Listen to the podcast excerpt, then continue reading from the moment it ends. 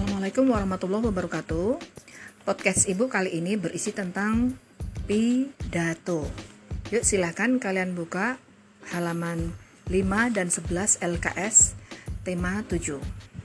Ya. Pidato merupakan komunikasi satu arah.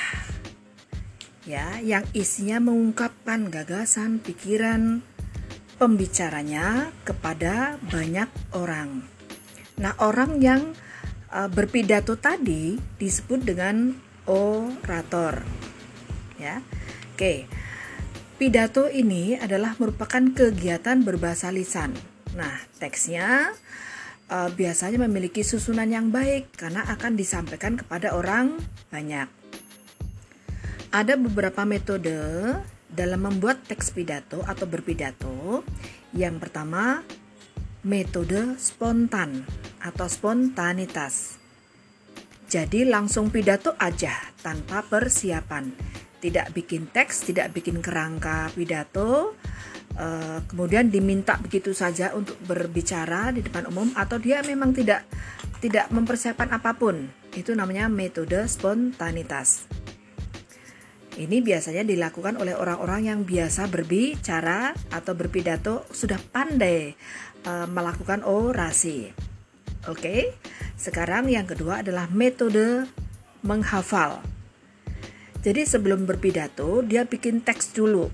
Kemudian dihafalkan sampai hafal. Nah, ketika di uh, apa dipersilakan untuk berpidato, maka dia akan uh, apa berpidato berdasarkan ingatan yang sudah dia persiapkan. Ya, jadi persiapannya harus matang sekali untuk ini karena uh, harus hafal betul ya. Kemudian yang ketiga adalah metode naskah. Nah, ini banyak dilakukan oleh pejabat-pejabat saat berpidato pada hari kenegaraan atau uh, apa upacara yang lain. Jadi naskahnya sudah dipersiapkan oleh pusat misalnya ya kalau nanti suatu saat nanti kalau kalian misalnya ikut pidato di mana kalian akan lihat kalau pembicaranya memakai teks dan kemudian isinya itu uh, seperti berasal dari Kementerian Agama misalnya atau dari mana gitu ya itu ketahuan sekali kalau naskahnya sudah dipersiapkan sehingga dia tinggal membacakannya saja di depan umum pada upacara tertentu. Yang keempat, yang keempat adalah metode ekstemporan. Nah, di sini sebetulnya uh, hampir sama dengan metode metode apa menghafal ya, karena uh, dia menyiapkan apa kerangka pikiran atau kerangka pokok yang akan dia bicarakan. Detil-detilnya apa? Oh, misalnya uh, pembukaan. Kemudian isinya dia mau bicara tentang uh, tentang uh, hari kemerdekaan itu apa, misalnya kemudian apa yang dilakukan, kemudian uh, uh, uh, lomba apa pada hari kemerdekaan nanti, kemudian harapan-harapannya apa gitu. Tapi tidak detil, ya hanya uh, apa? Hanya catatan-catatan kecil saja yang merupakan kerangka dari pidato. Oke, sekarang lihat ke halaman 11. Pidato namanya pidato bicara di depan umum itu harus menghasilkan suatu pidato yang baik, memberikan kesan positif bahwa isi dari pidato maupun oratornya itu sendiri itu baik. Nah, di bawah ini adalah ciri-ciri pidato yang baik. Ya, yang pertama, isi pidatonya itu sesuai dengan acara yang berlangsung. Misalnya Hari e, Kemerdekaan Republik Indonesia Nah itu isinya jangan membahas tentang uh, apa tentang hal yang lain, misalnya tentang posyandu atau apa, jangan. Ya isinya tentang uh, apa tentang detik-detik proklamasi misalnya. Kemudian apa yang harus diisi uh, oleh generasi muda untuk mengisi kemerdekaan. Nah, itu ya. Dan isinya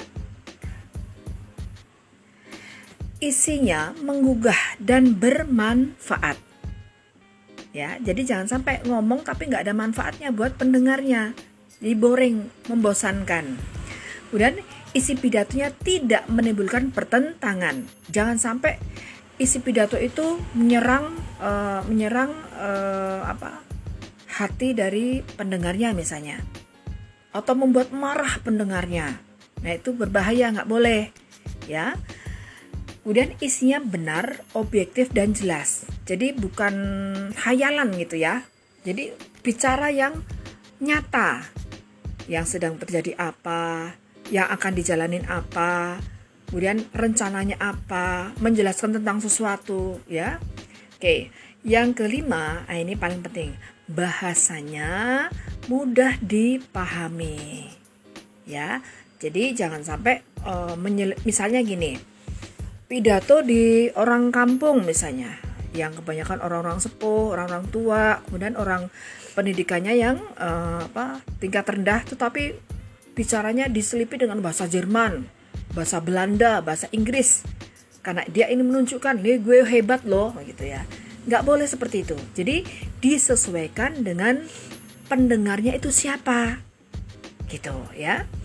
Dan yang terakhir, bahasanya harus santun, bersahabat dan rendah hati. Bayangkan bila seorang seseorang tuh berpidato dengan wah penuh kesombongan. Yang mendengar tentu saja tidak suka. Ya, panas hatinya atau bagaimana lah itu reaksinya ya. Terus santun, bahasa yang dipakai sebaiknya uh, bahasa yang komunikatif, ya, tidak kaku dan bahasa yang bersahabat, yang membuat uh, apa pendengarnya itu suka. Kemudian boleh diselipi dengan uh, joke atau bercandaan, tetapi bercandanya tidak boleh yang uh, kasar atau yang uh, apa apa namanya porno misalnya itu tidak boleh ya. Harus hati-hati sekali kita berbicara dalam pidato. Nah kalian kan uh, setiap hari Senin dulu itu kan kepala sekolah atau guru-guru kan berpidato ya pada hari Senin. Nah kamu perhatikan. Tentu saja apa yang disampaikan itu ada isinya dan bahasanya bahasa uh, bahasa yang uh, apa sederhana. Karena pendengarnya adalah siswa gitu ya. Dan tidak ada yang bicara kasar tidak ada. Ya semua tertata rapi gitu. Oke. Nah sekarang berikutnya adalah struktur teks pidato. Maksudnya teks pidato itu terdiri terdiri dari apa saja ya? Yang pertama adalah pembukaan.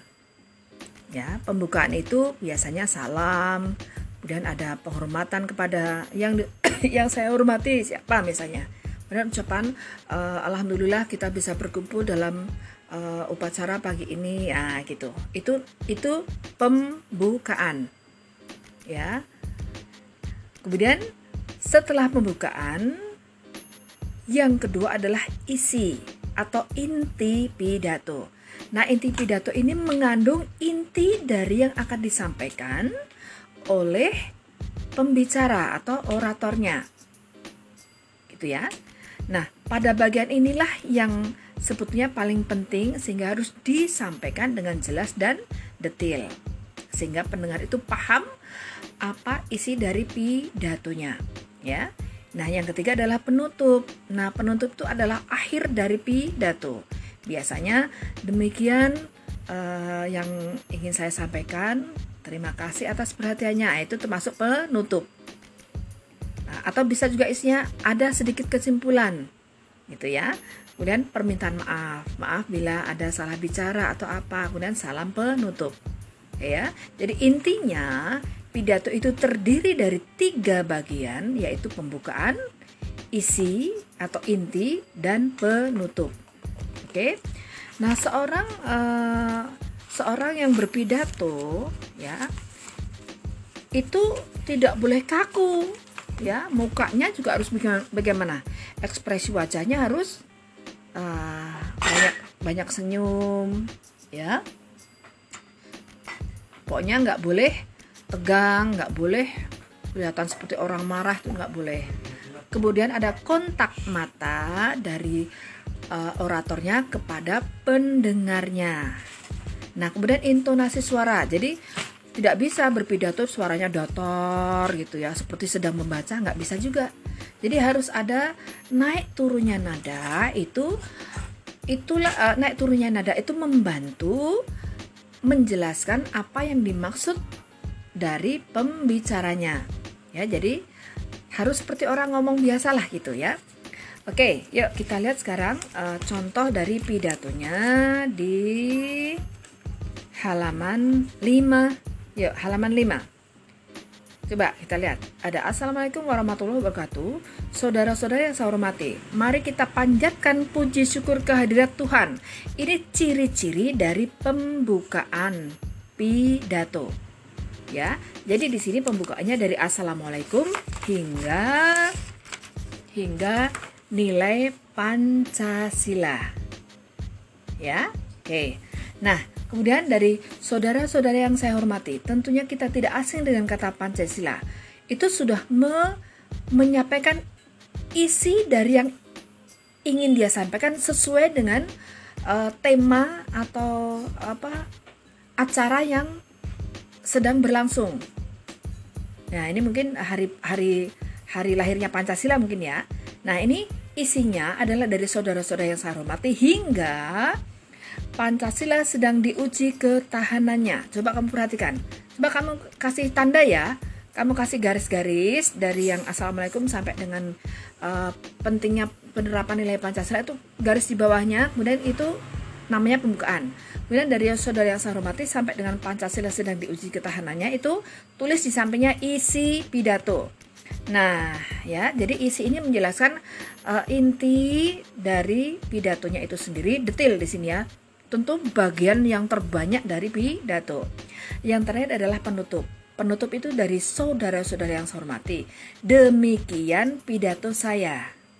Nah, apabila ada kesalahan pengucapan dalam kalimat, saya mohon maaf. Wassalamualaikum. Ini penutup pidato.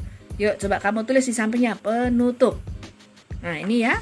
Ini contoh pidato yang bagus. Jadi ada ada pembukaan, ada inti dan ada penutup yang apa uh,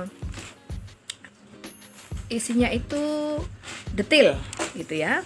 Ini bisa menjadi, uh, dijadikan contoh bagi kalian untuk mengarang sebuah pidato.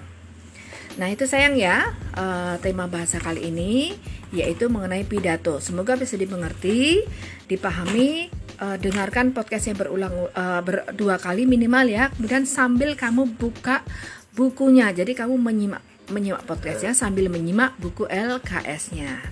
Terima kasih.